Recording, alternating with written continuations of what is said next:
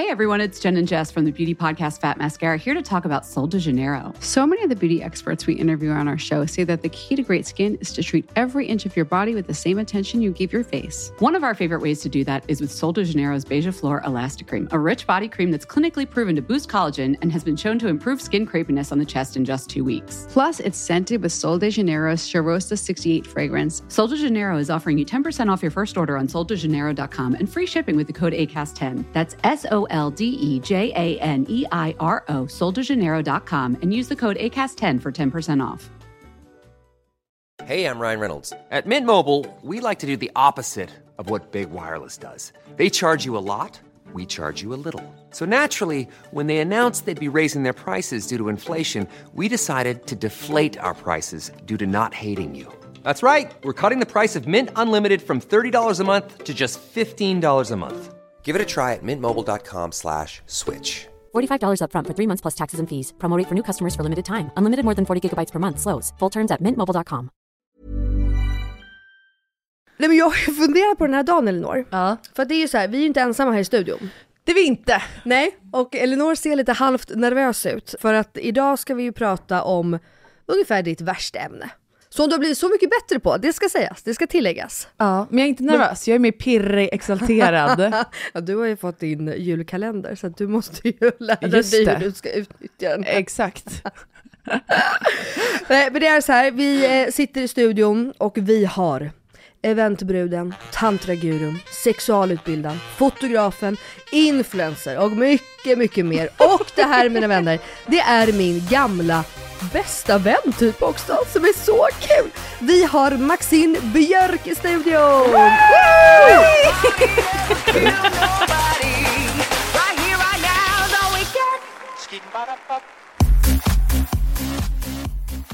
Vilken resumé! Jag vet. Vilken presentation! he- hela du. Va? Kände att allt stämde in. Tantra-guru, för det är du ju för oss. Hela Ja. svenska folket är Ja. du nog en Jag guru skulle ju för. själv då aldrig titulera mig som guru. Det är inte riktigt det som klingar bäst i mitt system. Men jag skulle säga att jag kan väldigt mycket om tantra och jag är tantralärare. Jag får bastning. Och sen jobbar jag, eller så säger jag också somatic erotic eh, educator. Vad betyder det, eh, det första ordet? Seratic.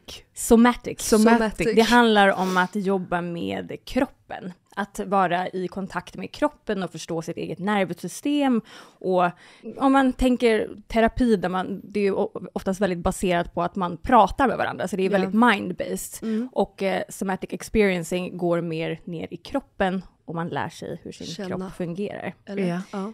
Ja. Ja, men Det vi har du stenkoll på eller? Nu stenkoll, alltså stenkoll.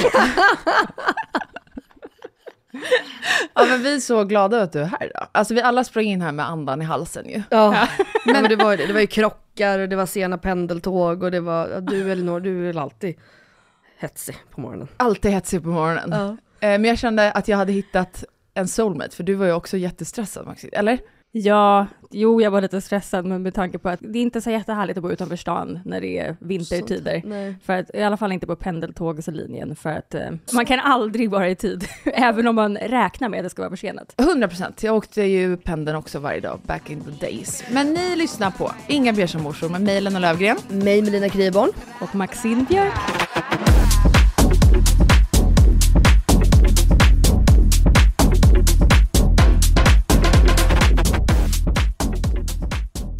Okej, men eh, Maxine, vi har ju alltid så här att ehm, vi börjar ju med fem snabba. Mm. Så det är liksom bara Bring det som först eh, kommer upp.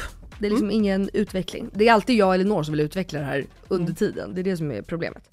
Men vi kör. Fråga ett. Sex med en person eller flera samtidigt? En person. Mhm, Det ser direkt vill jag.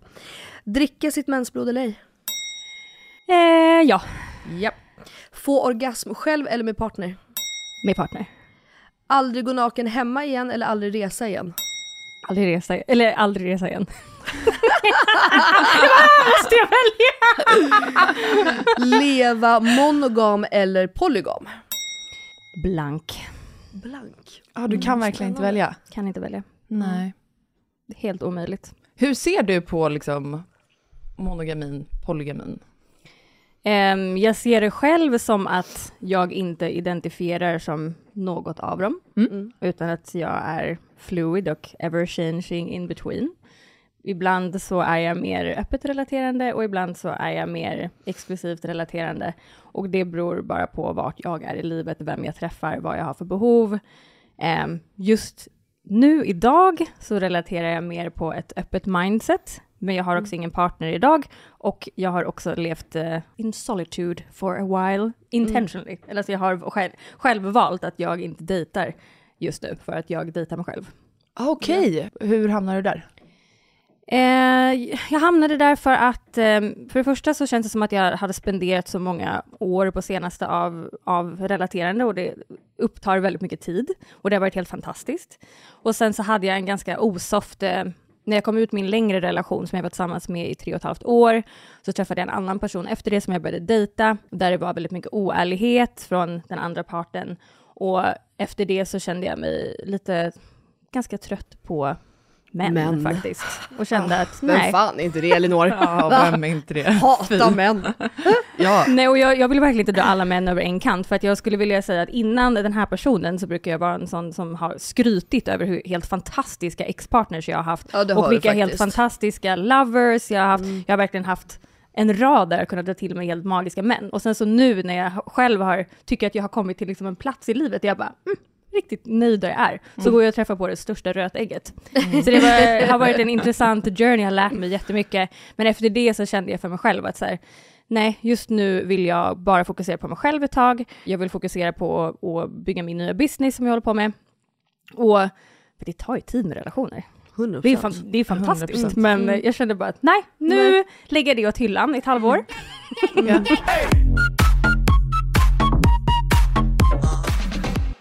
Nej men så här är det ju, ni som har lyssnat, lite background story, varför just du är här ändå. Alltså det är ju för att du är den du är och är så himla eh, duktig och påläst och eh, educated och hela det här. Men det är ju också att eh, våra göttegummor som lyssnar vet ju att jag ofta pratar om en kille som heter Daniel. Eh, och Diana, de är ju ett par idag, men du var ju tillsammans med Daniel och det är så vi känner varandra. Och det här är ju alltså när jag var alltså typ då. Hur gammal var du när ni var tillsammans? Kan vi räkna så? Jag måste Jag varit tror typ att jag var 13. 16 när vi Ja träffade exakt, varandra. så jag var typ 13. Ja. Och då var ju ni tillsammans och jag och Daniel var ju bästa vänner redan då. Och då umgicks vi, för du var ju otrolig. Alltså jämfört med alla andra flickvänner, förlåt, som han hade på den tiden.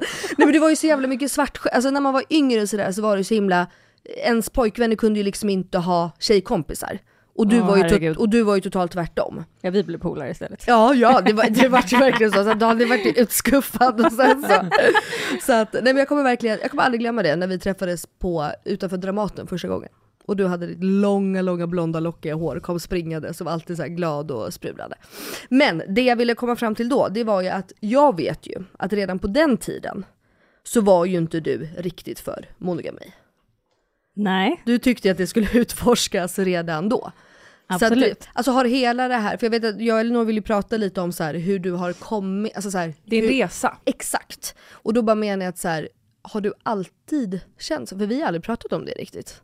Alltså har du alltid liksom känt att, Du vill göra någonting annat än normen liksom. ja, Mm, jag antar att jag har en normbrytande natur. ja, Och det är väl någonting som ligger i mitt system. Mm. Men också vill jag tacka min mamma för att hon Mm. jag fick växa upp i ett väldigt eh, explorative hushåll där allting var, var tillåtet och där vi pratade väldigt, eh, väldigt normaliserande kring sex.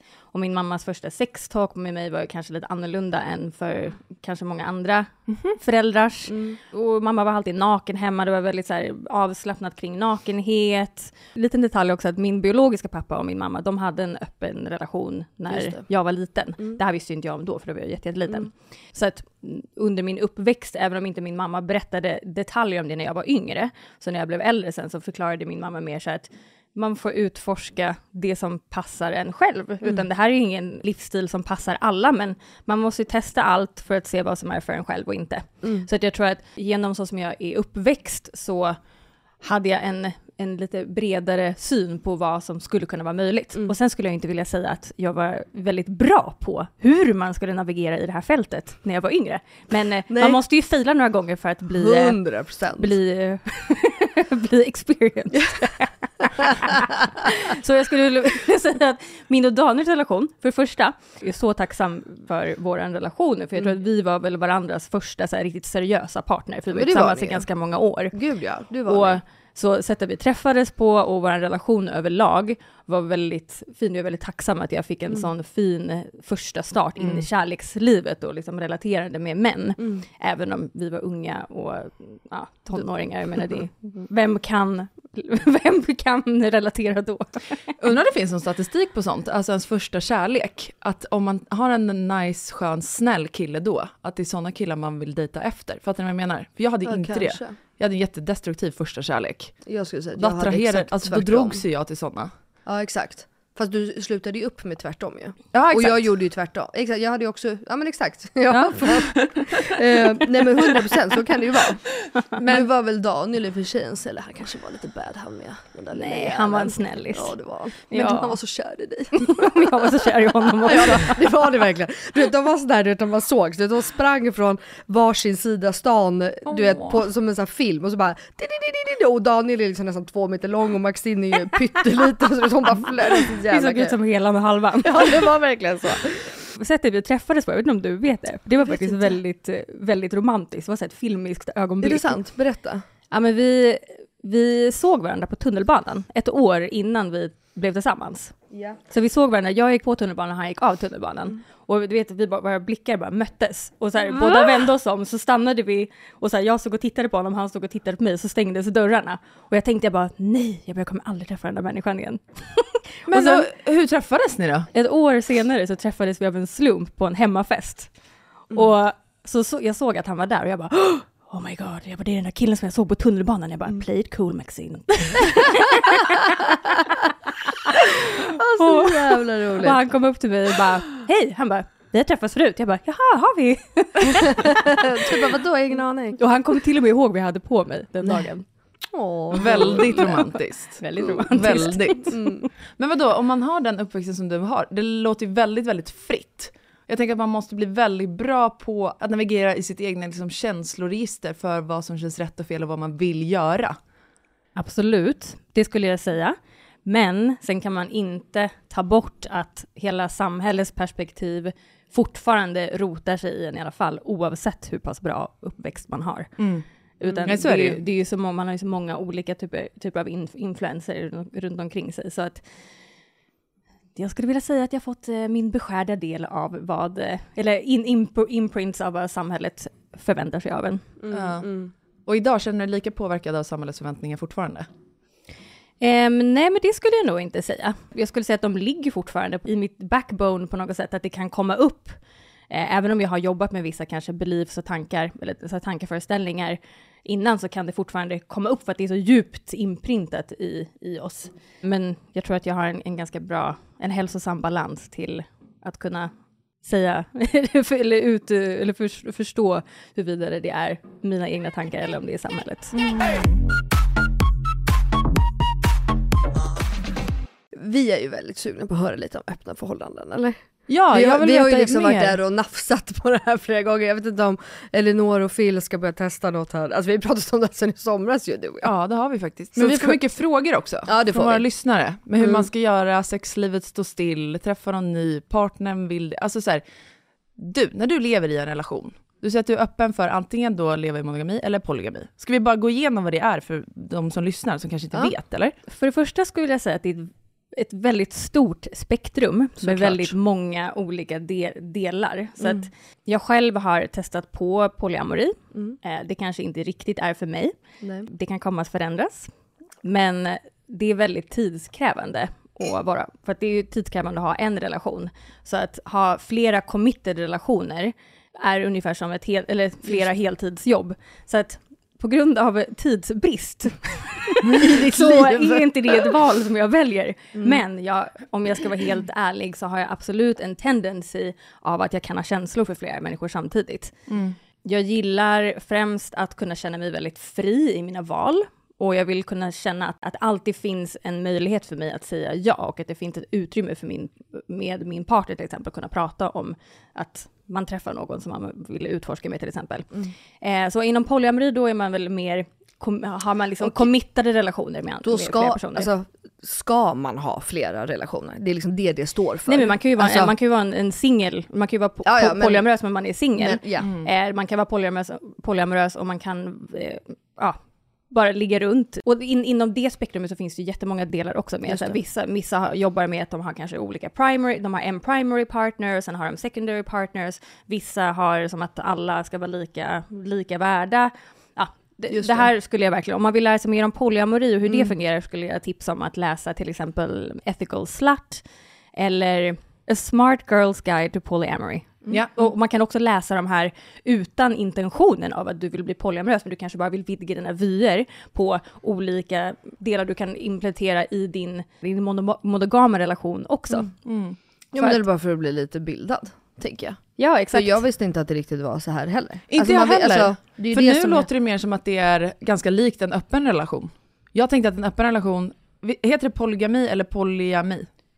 Polyamorös brukar man säga, att jag är polyamorös. Pol- Just det. polyamori.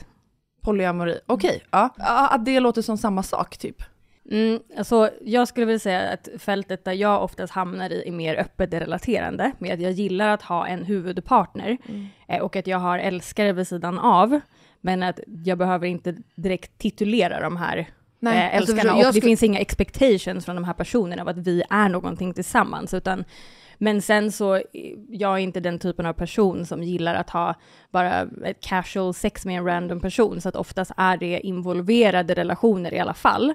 Ja. Ofta som jag typ är vän med och som jag har ett form av eh, ah, djup med på något ja, sätt. Ja. För att jag känner någonting, men det är inte nödvändigtvis min partner. Mm.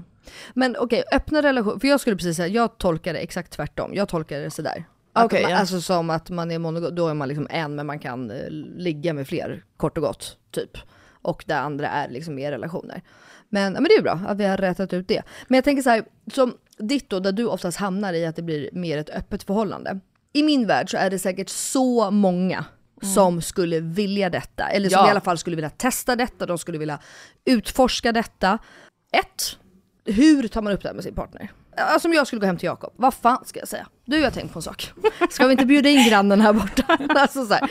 Och vad har Det, det, man det där liksom... skulle jag nog rekommendera att inte säga Inte, nej men det är ju det jag menar. Alltså och det kanske här, måste du välja grannen. Av alla personer på det här jordklotet. Det finns så många att välja mellan. det är jag mina grannar hela tiden. Nej men du fattar vad jag menar. Och också så här, vad har man för regler? För jag antar att det krävs ganska tydliga regler för att det inte ska bringa svartsjuka och eh, du kanske för sig har Absolut. kommit så långt så att det, är, så här, det är väldigt tydligt för... Absolut inte, Nej. utan kommunikation är A och O. Ja. Har man inte en eh, rimlig kommunikation med sin partner så ska du nog inte gå in i någon form av öppet relaterande. Nej. 100% ärlighet, där kom den. 100%. Som det inte alltid har varit. 120% ärlighet. 120%. Ja.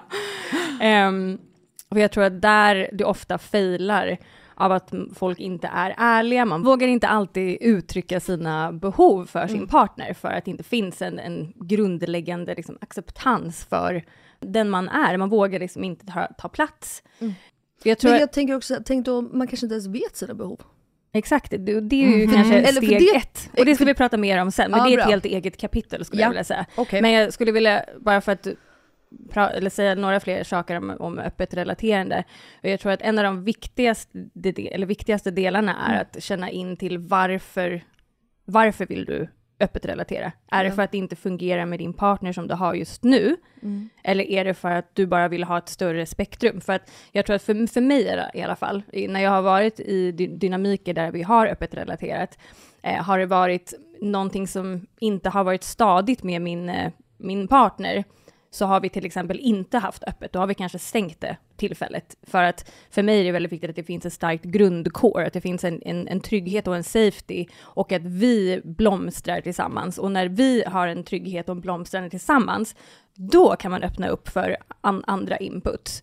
För då blir det också att, alltså att, att du inte går och söker lyckan någon annanstans.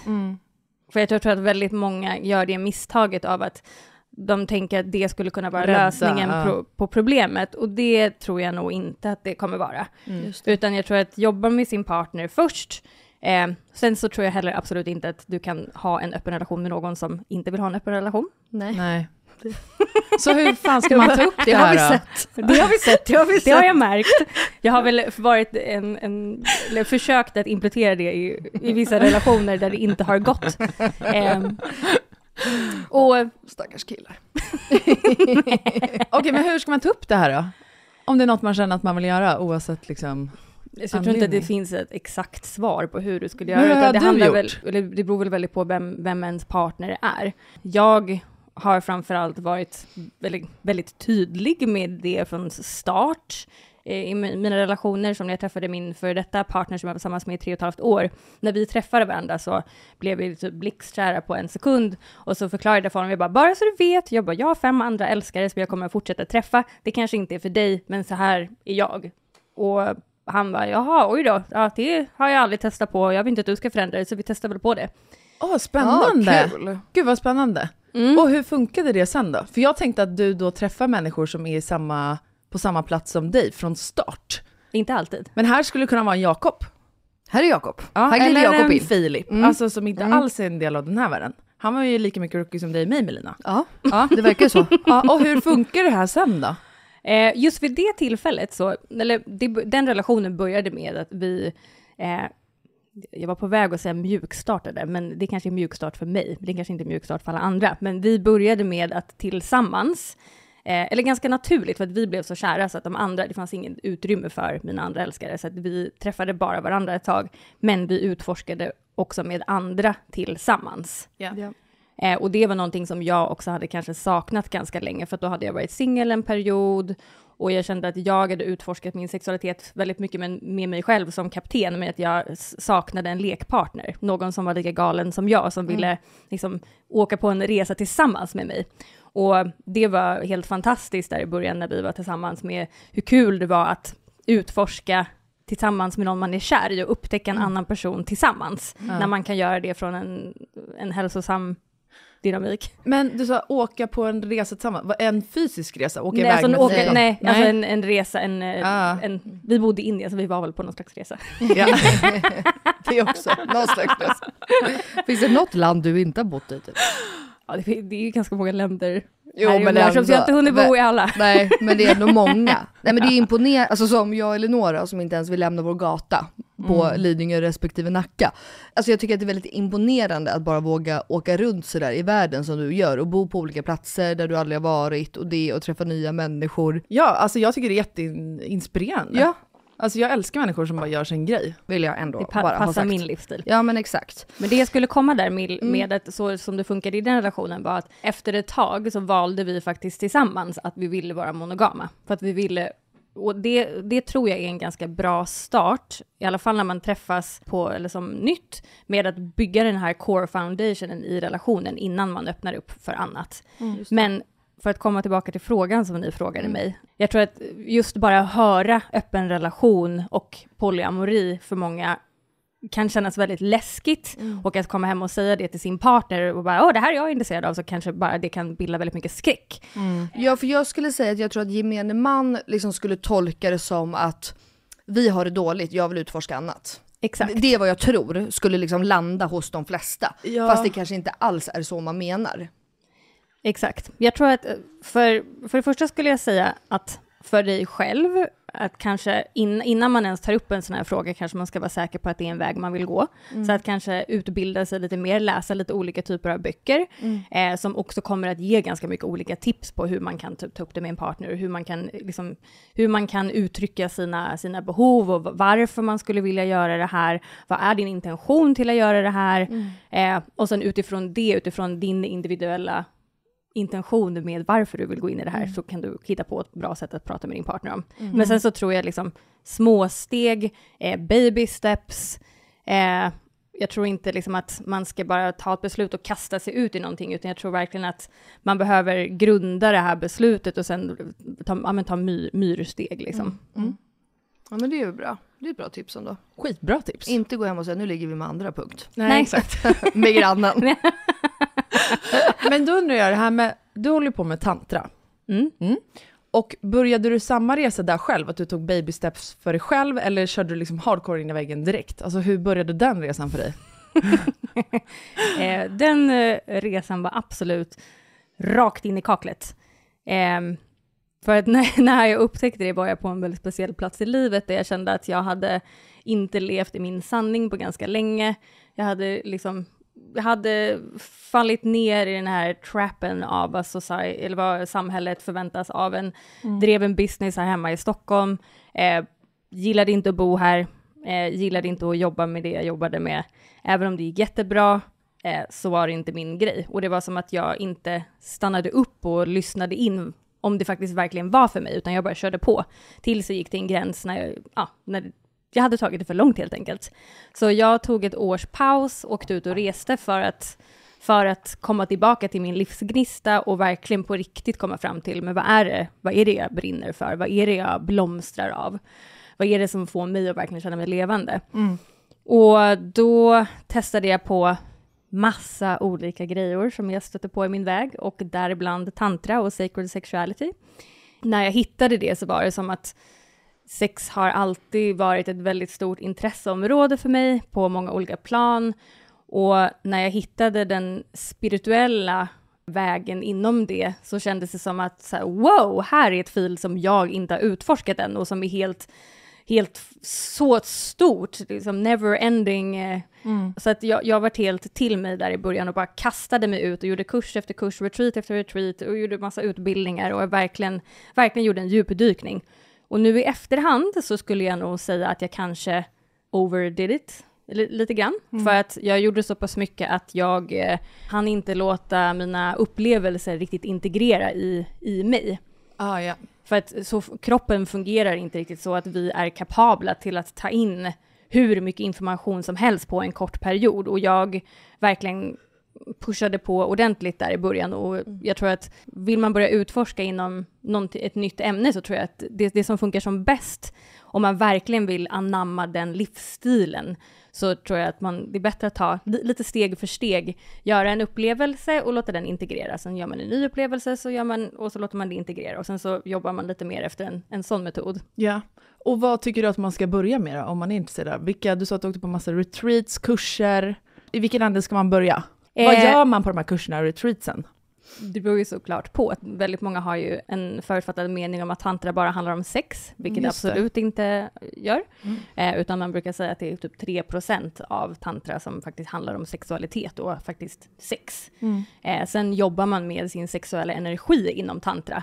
Eh, men det behöver absolut inte vara i sexuella kontext. Nej. Men jag skulle säga att eh, det kan vara jättefint att till exempel åka på ett retreat med sin partner eller ett retreat själv. Ett tips, jag har faktiskt precis skapat en tantrabox för nybörjare med Sinful. Mm, kul. Som är en där jag har skrivit en minibooklet. För det, för det kan jag känna väldigt ofta idag med att folk snappar upp, eller folk, väldigt ofta när man går på en workshop så har man bara snappat upp det sexuella ur tantran och så går folk dit och så gör man lite olika, olika övningar så har man inte fått någon bakgrund till vad faktiskt tantra är, vad filosofin är, hur man faktiskt lever en tantrisk livsstil. Så går folk hem och så har de sex och så tänker de att de hade tantrisk sex. Och så fungerar det inte riktigt, utan att leva en tantrisk livsstil och välja den vägen i livet krävs ganska mycket dedikation. Och ganska viktigt också att ha lärt sig vart det härstammar ifrån. Så att jag har skrivit en, en minibok som tar upp liksom, vad är faktiskt tantra, går igenom grundpelarna inom tantra. Fan, var den här boxen Fille skulle köpt till mig. Han Exakt, köpte vad en annan box från Sinful. Den här skulle han köpt. Ja, men den lanserade precis, alltså bara för några dagar sedan. Aha. Fan vad kul! Skitkul. Men också, så, med det, så är det även också olika då props och leksaker. Och i boken så är det också flera guidade övningar att göra med sin partner. Ja, kul ju. Så att det är en perfekt box för nybörjare. Man vill utforska den här världen, man har ingen aning om vad det är för någonting. Ehm, eller även för de som är lite experienced också så kan det bara vara härligt att få, Mm. få inspiration och få guidade övningar. Fan vad spännande. Det är Men- exakt den här boxen du skulle haft Elinor. Verkligen. Alltså 100%. Jävla skitbox du fick. Ja.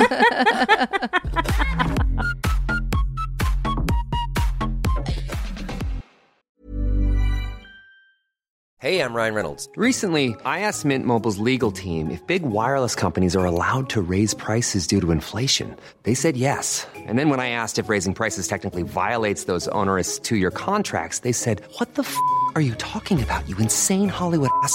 F- So to recap, we're cutting the price of Mint Unlimited from $30 a month to just $15 a month. Give it a try at mintmobile.com slash switch. $45 upfront for three months plus taxes and fees. Promo rate for new customers for limited time. Unlimited more than 40 gigabytes per month. Slows. Full terms at mintmobile.com. Want flexibility? Take yoga. Want flexibility with your health insurance? Check out United Healthcare Insurance Plans. Underwritten by Golden Rule Insurance Company, they offer flexible, budget friendly medical, dental, and vision coverage that may be right for you. More at uh1.com. Det är livsstil med tantra, vad innebär det? I stora drag. Ja. I Alltså, stora, absolut jag bara, hur länge ska den här podden vara egentligen? Sju timmar. Våra gäster Jag kommer aldrig flytta in härifrån. här i en vecka då. Ja, exakt. Nej, men så att tantra är ju ett sätt att leva på. Om man jämför till exempel med andra, andra religioner och spiritual paths så är det ofta att de eh, negligerar, eller Mm. att man eh, ser ner på det sexuella och eh, väldigt mycket av det fina i, som vi faktiskt får när vi är människor. Och det som tantran gör är också att det tar det into the equation. Och att det är mer en life embracing path. Så att leva på tantriskt sätt, för mig framförallt, är att man ser världen från ett par ögon där man ser allt vackert runt omkring sig, att man ser the divine nature i allt som finns och att allt faktiskt är en gåva. Och det kanske låter som spirituellt eh, fuffens och humbug, men, men det är liksom en mentalitet att man, man, man väljer hur man ser på, på världen. Och någonting som tantra verkligen har gjort för mig är att det har hjälpt mig att komma i kontakt med min kropp, förstå mina energier, också lära mig hur jag för, kan förflytta mina olika energier och också förstärka olika typer av energier och njutning till exempel. Men det här är ju ingenting som man lär sig bara Nej. efter till exempel en workshop, utan jag har ju studerat på en skola i flera, flera år och gjort många utbildningar och kurser, så det här är ju någonting som som krävs mycket självarbete. Och framförallt också, vi lever i ett samhälle som är uppbyggt på quick fixes. Man vill att saker ska gå snabbt, enkelt, man vill eh, klicka på en knapp och sen så är saker och ting löst. Och så fungerar det ju tyvärr inte med våran kropp, utan den behöver lite längre tid. Eh, och practice makes perfect, så eh, det krävs krävs ett litet driv och ett commitment vad man vill gå djupt inom tantran. Tålamod. med Ja, andra och ver- verkligen, för att man kan inte heller förvänta sig att man bara kanske gör en av de här övningarna i boken som jag har skapat nu. Mm. Med så här, oj du, det här kommer vara life changing, nu kommer ingenting kommer vara sig likt efter, utan så kommer det förmodligen inte att vara. Fantastiskt om det är så, jag säger inte att det inte behöver vara det, men man behöver göra saker flera gånger, man behöver liksom förstå, lå- låta ge utrymme för, för resan. Mm. Ja. Men i de här fem snabba frågorna som vi hade i början, en av dem var ju eh, dricka sitt mensblod eller inte. Och det är, det är en del av hela, jag tycker det är jätteintressant, är det en del av hela tantralivsstilen och hur man ser på kroppen och vad som försvinner ut ur kroppen ska tillbaks? Eller vad, kan inte du berätta om det? Jag tycker det är sjukt intressant. Ja, alltså just med, eh, när du ställde den frågan så skrattade jag inombords. Jag hade velat ge ett långt svar, men det var ju snabba, så det var, därför, Mm. det där var kanske därför som jag lät mm, ja. För det är, inte- det är inte direkt så att jag har en slags rutin på att jag dricker min, Varje- mitt mensblod varje, gång. Varje månad så. Eh, Nej, så är det inte. Nej. Och nu har jag inte haft den practicen på ganska länge, men Mm. en uppenbarelse för mig när jag kom in i tantrans värld var hur man skiftade sitt synsätt på vad menstruation är Mm. och att väldigt ofta i dagens samhälle så ser man på män som någonting toxiskt och någon, ett avfall från kroppen. Och att det är någonting som ska ner i papperskorgen, det spolar bara iväg och uh, där, det här, man ska liksom, man kollar på alla mensreklamer och det man- använder inte ens röd färg, man använder typ blå färg typ för att det, det är så liksom stigmatiserat med det röda blodet på något sätt, medan det är det mest naturliga som finns. Och inom tantran, så som jag lärde mig, så finns det väldigt mycket fantastiska nutrients i mensblod. Och att nu finns det såklart ganska många olika guidelines med hur man ska använda sitt mensblod om man nu vill använda det, eller om man till exempel skulle vilja dricka sitt mensblod. Så att, ta inte det här som, en, som ett tips med att åh gud, det är, Nu går vi hem och- nu går vi hem och dricker mensen, utan eh, då sk- skulle det kanske krävas lite mer lite mer info för det. Ja. Men eh, jag använder det också väldigt mycket som eh, en ritual för att normalisera det för mig själv och för att eh, se kraften i min, e- min, min, e- mina egna juices. Och att idag så har det verkligen ändrat hela min perception på menstruation och att även om jag kanske inte dricker den idag så ser jag den som helig och att jag använder den i ritualer och att jag till exempel ger den till mina plantor istället. Och det Ja, mår de jättebra. Ja, det kan jag tänka mig. Det kan jag Det är absolut massa cells och supermycket härligt järn och andra göttigheter i dig. Och plantorna, they grow as fuck. Ja. Mm. För jag kommer ihåg när du la ut det här på Instagram. Vi har inte pratat om det, men jag har ju, vi har liksom varit bekanta, nu pekar jag på Maxine, ni ser ju inte vad jag pekar på, men vi har varit bekanta ju. Och när jag liksom fick nys om dig var ju, du bloggade ju på en sajt då som heter Devote, jag vet inte om den finns kvar.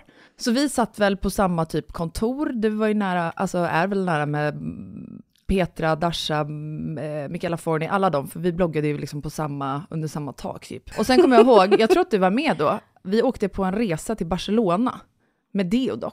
Var du med? Ja, Ja. jag var ju en av de som arrangerade resan. Ja, det var du som arrangerade den mig. Ja. Ja, var det du och Dasha som gjorde det? Ja. ja. Sen kommer jag ihåg att du la ut så här, Pride, jag älskade det. Du gick all in Pride-festivalerna. Sen så tog du den här pausen som du pratade om tror jag. Kom tillbaks, körde all in tantra på Instagram. Min fråga till dig då, alltså jag älskar det här verkligen.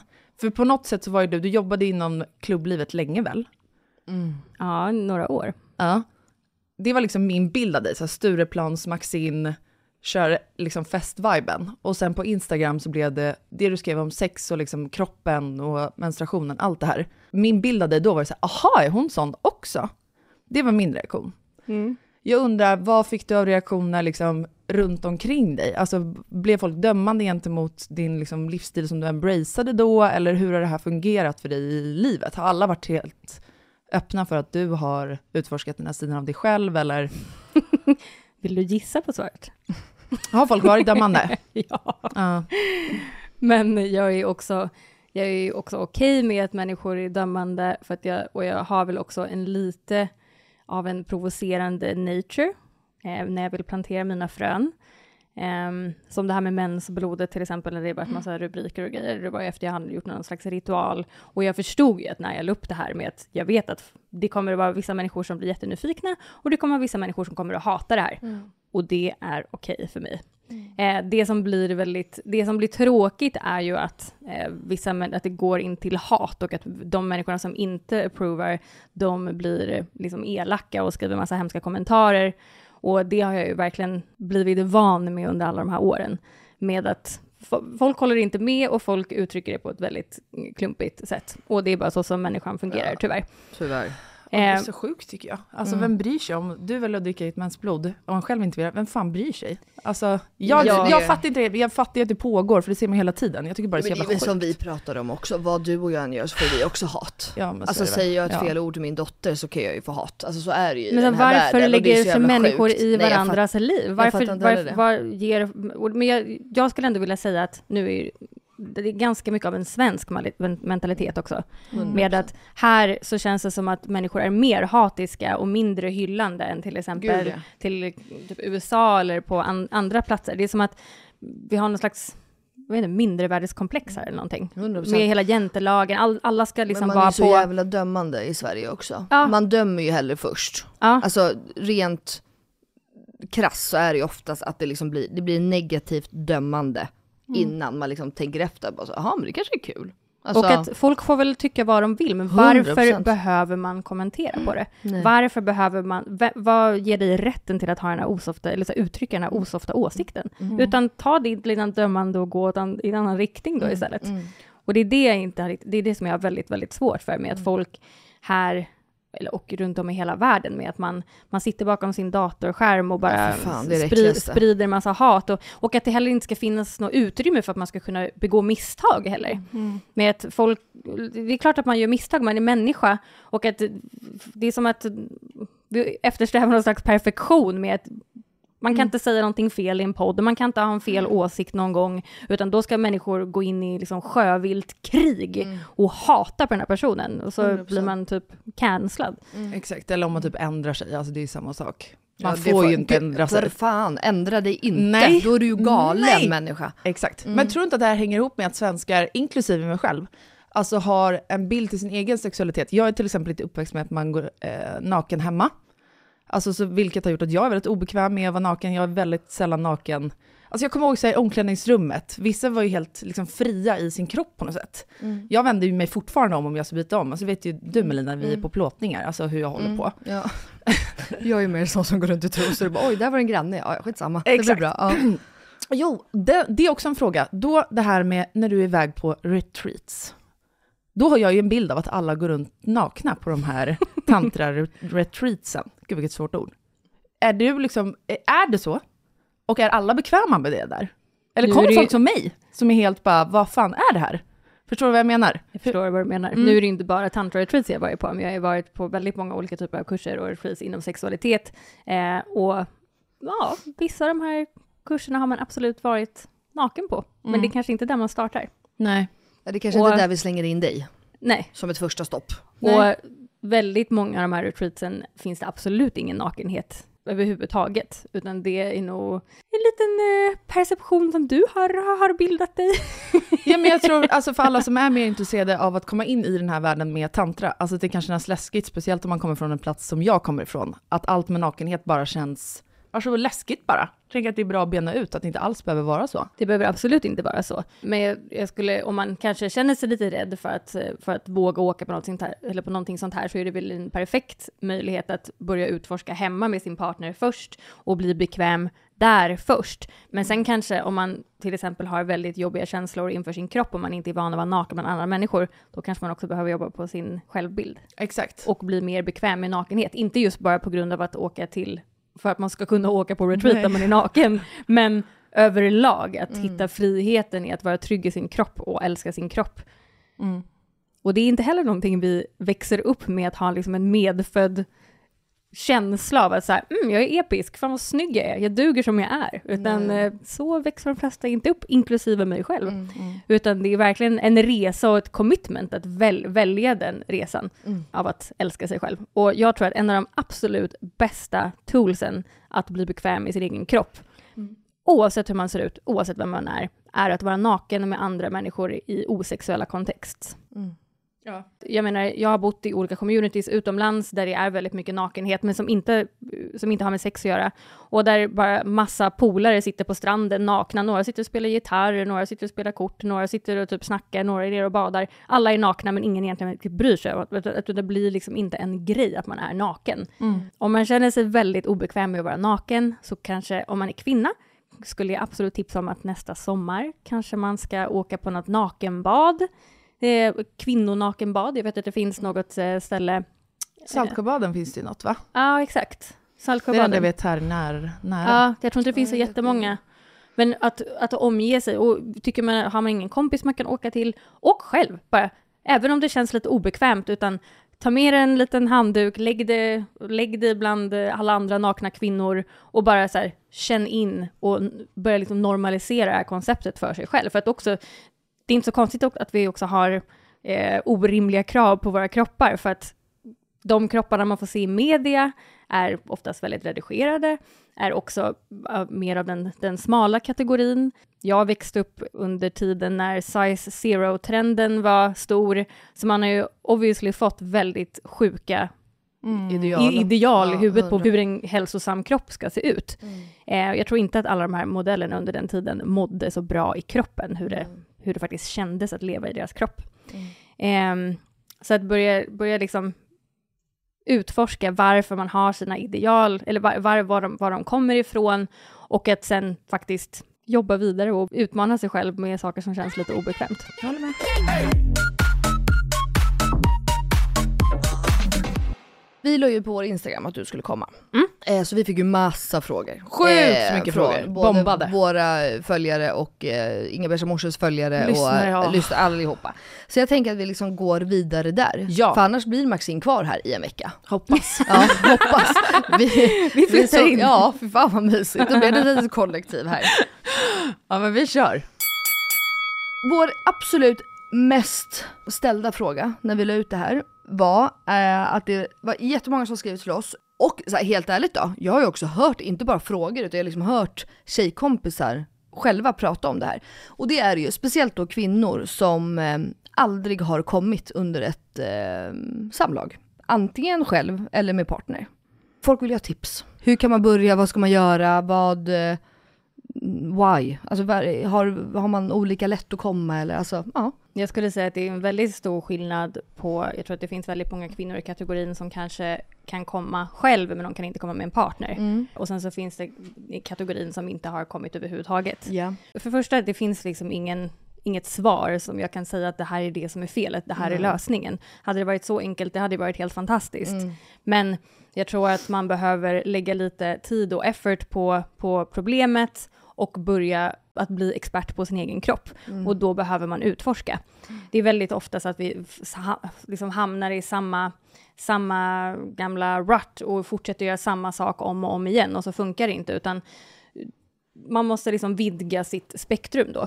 En av de största problemen i det här är att de flesta kanske inte är i så väldigt stor, stark kontakt med sin kropp. Mm. Och att om man inte har en grundläggande kontakt med sin kropp och en förståelse för sitt känslospektrum eh, och kanske om man har kvarliggande trauman i kroppen från tidigare upplevelser, eller att man kanske har en spänd bäckenbotten till exempel, om man är helt omedveten om allt det här och man är bara en contracted version av sig själv och lever sitt liv väldigt mycket uppifrån sitt mind och inte så connectad i sitt till, det, till den feminina energin mm. i, i det blomstrande, i rörelse, i skapande, i kreativitet, i att ha en stark introduktion, så är det inte så konstigt att man kanske inte har fått en orgasm för att mm. vi är så frånkopplade till kroppen. Mm. Så att vi måste, jag får, ofta, får väldigt ofta frågan eh, med att, eller, att folk vill hoppa, börja göra jobb eller jobba med mig och gå mina kurser, men de vill gå direkt till det sexuella, de vill lära sig få orgasmer. Mm. Medan jag brukar alltid då rekommendera människor att gå min grundkurs för att liksom bygga en solid foundation.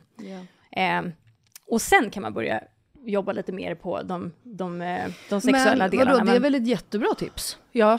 Ja. Att det inte handlar om sexet i sig kanske alltid. Absolut, alltså, verkligen. Att det liksom börja fundera innan vad, vad det, det är som du säger, det kan vara trauman, det kan vara olika anledningar. Jag så tror det att det är väl... svårt också att komma på de här grejerna själv. Ja, så att, att, att, sitta hemma i sin lägenhet och sitta och fundera på de här mm. frågorna själv, utan jag tror att har man, har man aldrig fått en orgasm, men då kanske det är dags att börja söka hjälp på något sätt. Antingen kanske man hittar en personlig coach inom mm. det här, eller så kanske man går en kurs, eller så signar man upp på någon on, on, onlineprogram, mm. eller så kanske man köper lite olika böcker, eh, där du liksom får hjälp och support från mm. andra. Det är också, mm. vi lever i ett samhälle där man tänker att man ska klara allting själv, och allt klarar man inte själv. Jag skulle absolut inte sitta här idag om inte jag hade lagt ner en eh, stor summa pengar på utbildningar, mm. eh, coaching, Såklart. allt möjligt för att liksom bli fri i mig själv, kunna avskala mig från mina tidigare upplevelser i livet som har skapat trauma i kroppen. För att mm. det är också någonting man inte pratar om så mycket med att eh, när man har varit med om kanske osofta upplevelser när man var yngre, som jag tror att många tjejer kan relatera till, så sätter det sig också i muskelminnet och mm, kroppen. Mm, mm. Och det krävs också arbete med kroppen och inte bara samtalsterapi för att ta sig ur. Tror du att det finns många störmoment för att kunna komma? Alltså till exempel att man fokuserar väldigt mycket på hur man ser ut eller hur man tänker att ens partner ser på en exakt just nu, om man ligger med en partner, det vill säga. Alltså tror du att det finns störmoment som också förstör att man kan slappna av tillräckligt mycket för att komma? Var det en luddig fråga? Förstår du vad jag menar? Det var inte en luddig fråga. Jag tyckte det var en självklar fråga. Och 100 procent, Elinor. Vi får maxa in och börja prata som oss. Mm. Nej, men ja, absolut. Det säger ju sig själv. Om jag, bara hypotetiskt sett här, om jag rider av en, en kille här just nu. Mm. Och sen så medans jag gör det så sitter jag bara och tänker att här, oj gud, jag undrar om han tycker att mina tuttar är, är fina. Oj, jag undrar om han tycker att min mage ser lite, lite hängig ut just nu. Oj, nej, jag undrar om han ser mina celluliter här nu. Mm. Så, oj, tycker han att det är skönt eller? Oh. Mm. det betyder ju då att vi inte är i kroppen, utan vi är ju uppe i vårt mind. Mm. Och det säger sig själv att mm. kroppen inte kommer vara så pass avslappnad och i harmoni för att kunna låta dig komma. Mm. Eh, så ja, absolut. Och sen tror jag också att det är, det har, har ju också väldigt mycket inom tantran eh, och metoderna inom som jag jobbar med, att man också försöker släppa det här eh, målet med att orgasmen är, är det som är målet och kvittot på att det var ett bra sex. Utan jag kan absolut ha sex och inte eh, komma till en climax på något sätt. För att hela vägen dit, jag har byggt upp en sån bra relation med mina sensationer i kroppen. Så att det, jag så, får så mycket njutning av hela vägen till det som nu skulle kunna vara ett climax. Mm. Och att man fokuserar så mycket på end, the ending och tappar liksom att det är ju hela resan som är helt fantastisk. Liksom uppeggningen, förspelet, vara i det. Eller för mig i alla fall, det viktigaste med att ha en sexuell interaktion med någon är ju connectionen med den här personen. Mm. Och att vi båda känner oss helt grundade och trygga i det vi, det vi pysslar med. Mm. Och det är oftast det, när man är fullt i sin avslappning och fullt i sin eh, bekvämlighet, det är oftast då som vår kropp kan bara kan releasa på det sättet. Mm. Men, och också, jag menar orgasmspektrumet är ju också väldigt, väldigt stort. Så att det är så lätt att vi också limiterar oss med att har man kanske fått en klitorisorgasm en gång, så har vi det inpräntat i vårt huvud, att aha, det är så här våran, det är så här en orgasm ser ut. Medan alla andra typer av orgasmer vi kan få behöver ju inte alls kännas likadant. Och jag tror att när vi försöker skala av med att sätta saker i olika typer av fack, det är då vi kan hitta njutningen på riktigt. Och jag gillar heller inte att kalla de olika typer av orgasmerna för olika saker. För att till exempel, alla har säkert hört, hört talas om G-punkten. Eh, Det är ju ett, område. Men jag, jag, och jag är väldigt, väldigt säker på att, att min G-punktsorgasm ser väldigt annorlunda ut än vad många andra kvinnors G-punktsorgasm är. För att våra, våra vaginor ser så pass olika ut. Alla våra liksom, nervtrådar sitter inte likadant som varandra. Det är också därför vi är, vi är individuella varelser och man måste utforska vad man själv tycker är skönt. Vissa hatar analsex, vissa älskar analsex, vissa älskar en viss typ av sex, utan man, man måste hitta vad som fungerar för dig. Tror du att vi är, alltså kvinnor också, inte bara män, eh, porrskadade? Ja, absolut. Jätteporrskadade. För jag har för mig att jag läste ett inlägg på din blogg för typ tu- tusen år sedan om det här. Att det också kan vara en anledning till att man har svårt för att komma, för att man är så ja, porrskadad. För det du beskrev eh, innan det här med att så här, eh, det är så många som har en bild av att att komma, det är målet med hela sexet. Och gör man inte det så är det ett misslyckat sex, eller man ser ner på sig själv, eller sexlivet med sin partner, bla bla bla. Tror du att, att man är porrskadad kan göra att man också har svårare för att komma? Ja, absolut. Mm. Eh, för det första, eh, inom porren, låt oss prata mainstream porr. Mm. Eh, där det är ofta skapat av män för män. Det är väldigt mycket fokus på själva utlösningen eller, och att när man tittar på mainstream-porren, ja då ser man oftast typ en, en, en man och det är bara en man, mannens händer som typ gör två små fingerryckningar på klitoris och sen så upp så bara får en, hon en fontänorgasm. Och riktigt så enkel är inte kvinnokroppen. så att det, är, det är kanske det som eh, triggar en manlig fantasi av att de bara behöver trycka på en knapp och sen så bara händer det grejer. Mm. Och det bygger ju såklart upp helt orimliga helt orimliga förväntningar på oss själva och att, att vi ska vara någon slags, vi ska ha ett, ett, vi ska parera ett stressigt liv, vi kanske är mammor, vi kanske, ja, oavsett vad man gör i livet, men sen ska man även vara en sexgoddess i sängen. Mm. Och det är lite, ori lite orimliga förväntningar. Mm. Och också med kroppsidealen från porren. Det är inget fel med, med de kvinnorna och männen som väljer att se ut som de gör där, och att man väljer att göra, göra om väldigt mycket på sin kropp. Men det blir väldigt konstigt när det är den enda typen av kvinnokropp som representeras.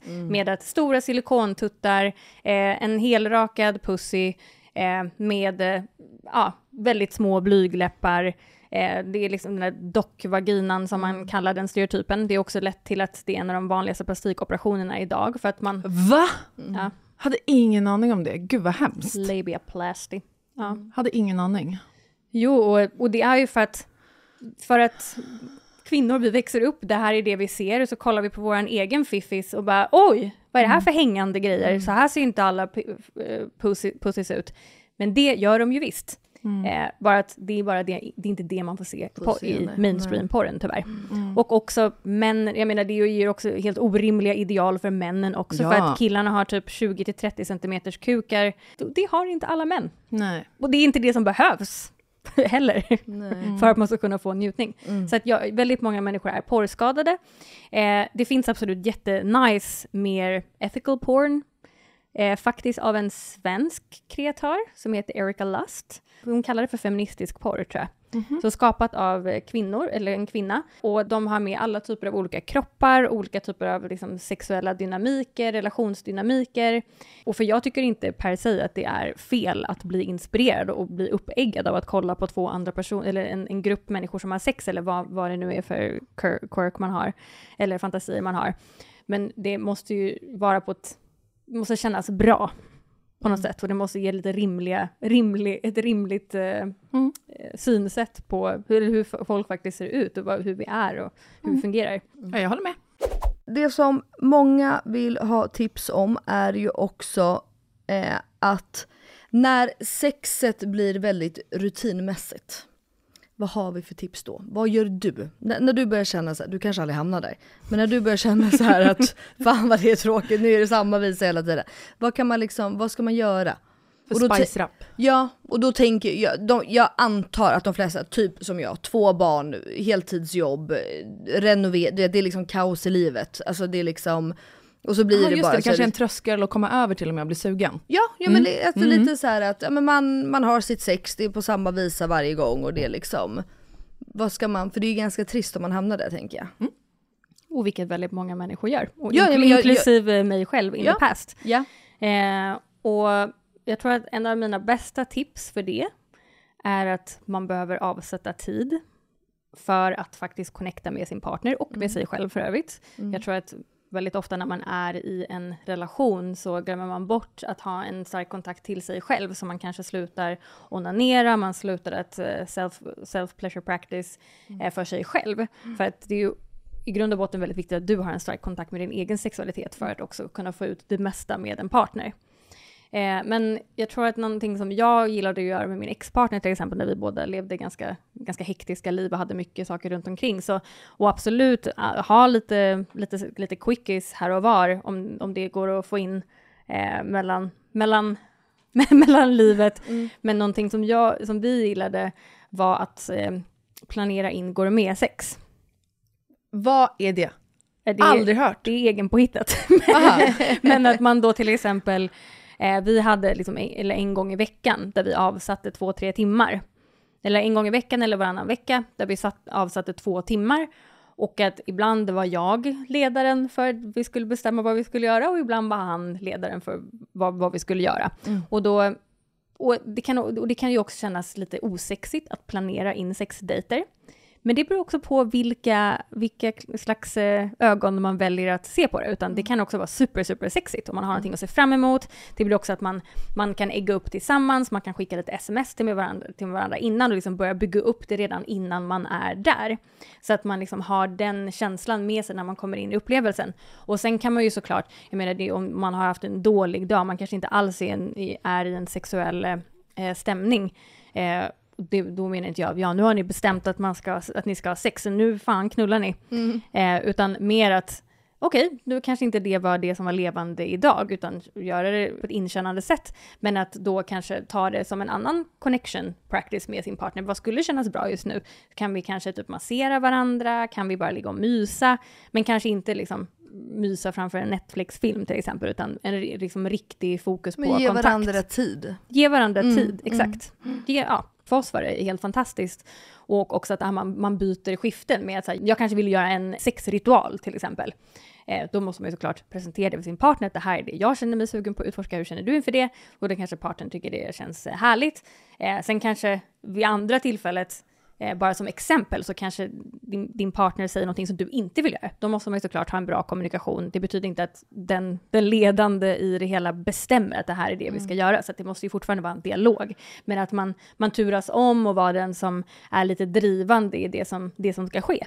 Och ha det här som en, en, ett, ett ypperligt tillfälle att, att utforska nya saker, för att det är ju det vi behöver göra. Vi be- behöver implementera nya, nya aspekter i, i det gamla sexlivet. Ja.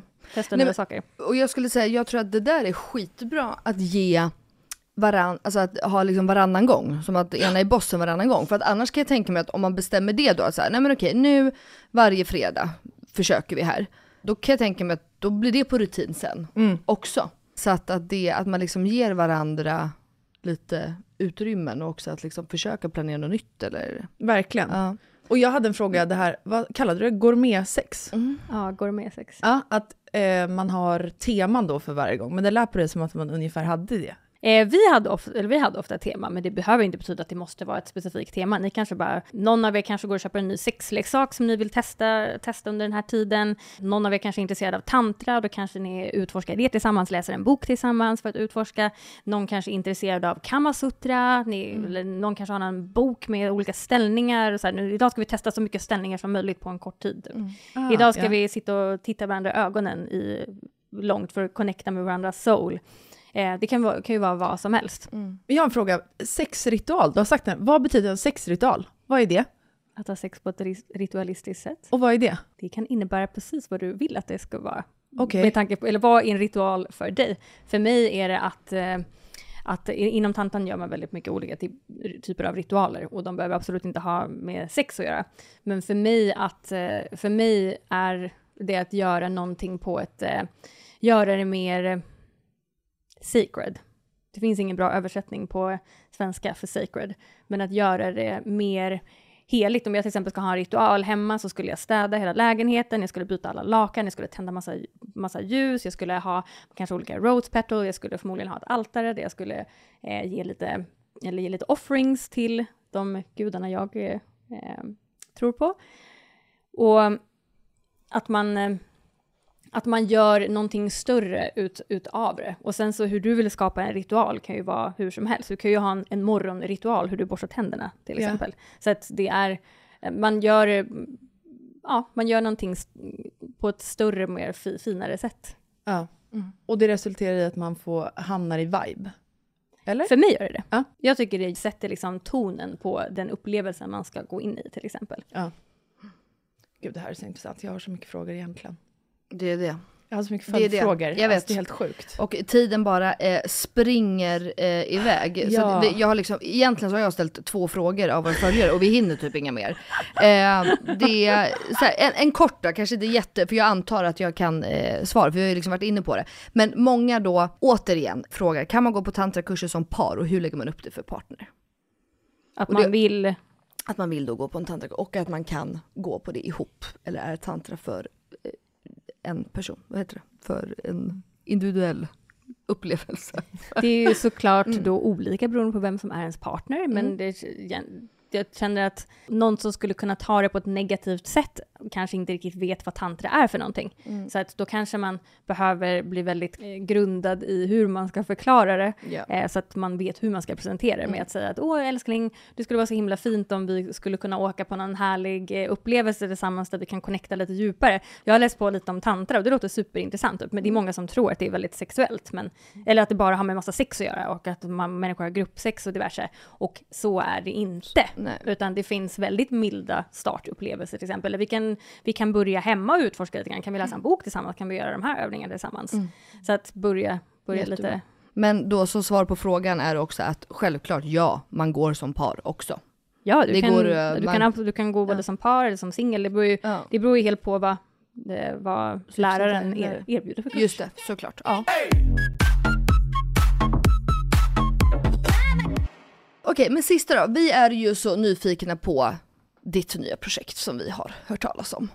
Ber- ja, alltså, Jag är också så ja, exalterad. gud vad kul. Men berätta mer. Vad är det? Du har varit utomlands och hållit på med någonting, eller?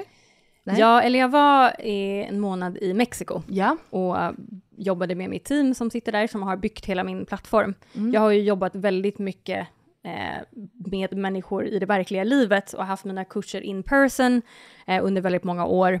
Och det har varit helt fantastiskt, men det har också limiterat mig till hur många jag faktiskt kan nå ut till och att det är också kanske ganska många som inte vågar åka på en kurs när man är Just det, i, fysiskt i, där. fysiskt Mm, i mm. person och att många vill kunna vara hemma och ta det i sin egen takt.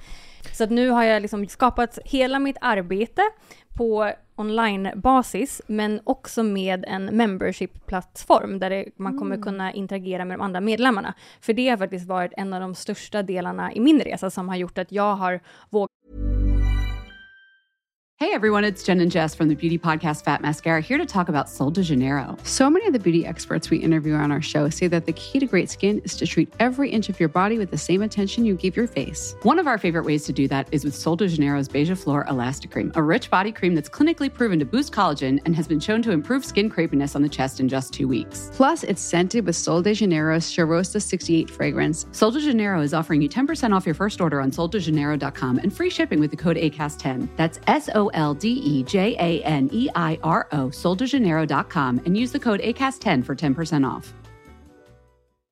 Hi, this is Bachelor Clues from Game of Roses, of course, and I want to talk about Club Med.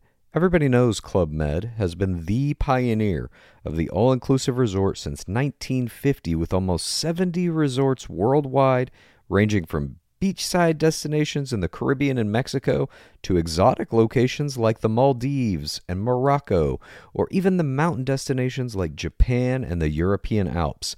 Dine on delicious gourmet cuisine, enjoy more than 20 activities, and make memories with your family. For more information, visit clubmed.us or call 1 800 Club Med or your travel advisor.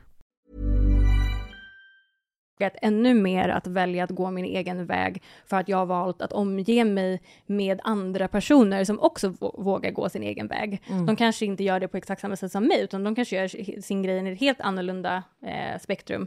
Men det här att hänger du med bara andra personer som kanske jobbar ett väldigt, på ett väldigt traditionellt sätt, som lever ett väldigt mm. traditionellt normliv, eh, så är det kanske lite svårare att, att implementera att börja leva på ett nytt sätt och efter din, din, din sanna desire till exempel. Mm.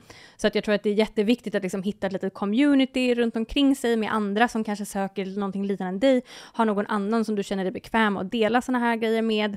Um, så att det här, det här kommer vara liksom som en, en, en samlingsplattform av, av riktigt balla kvinnor. Mm. Eh, som eh, med intentionen av att börja välja sig själv och sätta sin hälsa i, i centrum och verkligen jobba på att få, få en djup kontakt med kroppen. Och mm. här kommer vi verkligen att börja, precis så som jag pratade om innan, med att mitt arbete börjar med att, med att vi bygger en, en riktigt trygg foundation i sin egen kropp, lära sig förstå sin egen kropp, eh, lära sig sakta ner för att förstå det som faktiskt händer i, i kroppen. Eh, bygga en stark relation, en kärleksrelation för att verkligen lära sig älska sig själv. Mm. Och sen så kommer vi gå in på riktigt juicy grejer. Jaha, vad då? Allt är ju såklart frivilligt, så är det någonting som känns som att man inte vill göra. Och det här kommer också vara om flera månader, men det kommer även vara guidade onanisessioner att göra hemma för sig själv. Det kommer vara guidade sensuella övningar för att komma i kontakt med sitt feminina. Det kommer vara group masturbations på live, eh, på, på Zoom, där vi alla gör det tillsammans och jag guidar det. Det kommer vara massa olika grejer. Och det som, det som är nice också med den här portalen är att det kommer, jag kommer också ta in andra personer som jag kommer att intervjua, som jag tycker gör någonting intressant. Men till skillnad från till exempel en podcast, att jag är här och berättar om mitt arbete, så kommer jag även att be alla att också dela en övning som, som har med deras arbete att göra. Mm. Så att med tiden så kommer det byggas upp ett väldigt stort storage in i den här plattformen, där du har många olika typer av övningar att göra på morgonen för att komma i kontakt i dig, med dig själv, att boosta din sexuella energi, att, att göra precis innan du går och lägger dig, olika typer av meditationer och sen olika typer av bonus-treats som kommer vara från andra. Alltså jag tror att det här är skitbra av dig att starta faktiskt, för jag har flera tjejkompisar som har gått på dina kurser, alltså fysiskt med dig. Och jag tror att för många är den tröskeln liksom för hög, så att då bara kunna göra det online tror jag gör att fler kvinnor vågar ta det steget och att fler kan göra det också. Gud ja. Men var kommer man kunna hitta det här? Det heter climaxin.com. Ja. Eller climaxin. Och när lanseras det? Det lanserades för några dagar sedan. Oh my god! Att, eh, men gud, du det! Ja. Fan vad kul, det här måste jag kolla in. Och alla ni göttegummor som lyssnar på det här 100 procent. Ja, höll i trösan. Höll i trösan, så bra det här blev då. men ja, gud. Men det ska bli, det ska bli så, så himla roligt. Och precis som du säger, jag tror att, och det som jag också har fått väldigt mycket feedback från att jag har haft mina kurser, är att folk har älskat det, men sen så har det varit svårt att upprätthålla, att kunna fortsätta göra de här övningarna som vi mm. gjorde på kursen. Och själva tanken med den här plattformen är att du ska kunna liksom bygga upp ditt storage och kunna ha övningar du kan komma tillbaka till, men att vissa mm. kanske man gillar mer än andra. Och att man liksom har det som ett sitt lilla stall. Shit, Superbra. så spännande. Ja, Ja. otroligt ju. Vi har så mycket frågor till dig Maxine, alltså det är helt sjukt. Men jag får väl komma hit någon mer gång. eh, ja Vi absolut. köra. Vi hade faktiskt Spiri Spiri här som gäst och då, vi fick ju till och med, det vart ju två avsnitt. Så att du är varmt välkommen känner jag, Ja. i typ i januari direkt Kom igen. tillbaks. Ja, så vi bara kan fortsätta här och bena ut. Ja, Det är du och jag som gör en livekurs här med henne. exakt. Jag är på. Du är, ja, Men ni Nej. två måste ju komma in i Ja. Climax Ins Conclave. verkligen. Lätt. Alltså så kul ju. Det, eller det Ja. heter Climax Ins Conclave. Och Conclave, ja. betyder lite secret society. Ja. Så det som kommer att hända där inne kommer ju också inte att delas någon Nej. annanstans. Nej, utan det kommer vara liksom, det kommer vara din En lilla trygg hemliga... plats för kvinnor. Ja, en Mm. trygg plats för kvinnor att utforska. Att vara alldeles för mycket för världen, men på ett väldigt tryggt sätt. Otroligt ju. Otroligt. Otroligt. Eh, alltså tack snälla för att du kom. Tusen Vi tack. bokar absolut in en till dejt, så Lätt. känner jag. Ehm, och eh, tack alla göttegummor som ställer frågor. Nu Mm. hann vi ju inte asmycket, men jag, alltså jag känner, men en, så här, man, jag tycker ändå att det har varit, varit väldigt inspirerande och lärorikt ändå. Jätte. Alltså jag Jätte. tycker man liksom har benat ut mycket. Mm. Jag hoppas verkligen också att de som lyssnar på det här vågar nu efter det här känna att de kan explora sin, liksom, sitt känsloregister, hur sin egen kropp fungerar, att man vågar testa på nya saker i sitt sexliv, att man vågar vara mer icke-dömande förlåtande gentemot sin kropp och lära sig mer om allt det du 100%. pratar om idag. Och får jag säga en sak till till alla kvinnor där ute. Mm. Våga vara mer egoistiska. Ah, våga. Var ego. Mm. Punkt. Mm, Men också. i, och egentligen inte, jag skulle inte vilja säga ego, jag skulle vilja säga att det är egentligen bara equal. Ja, exakt. Med, exakt. att, med att vi har blivit upplärda på något sätt av att kolla från porren, av att det är bara väldigt mycket fokus på att plisa mannen och man glömmer bort sin egen sexualitet. Mm. Och bara för att addera en sista grej här, med att min mamma sa till mig när jag var liten med att Maxine, du kan inte gå och vänta på att någon ska komma med en silverbricka och berätta vad du gillar, utan du måste testa allt för att komma fram till vad du gillar, så att du kan informera din partner om vad du vill ha. Skitbra. Och det, Med de orden tycker jag att vi Ja. avslutar Ja, avsnittet. Det var ett perfekt avslut känner jag. Tack snälla igen Ja, Maxine. tack snälla för att Tusen du var här. ja, men tack så jättemycket, det har varit så fint att vara här. Tack. Puss, puss, hejdå. Puss puss, hejdå.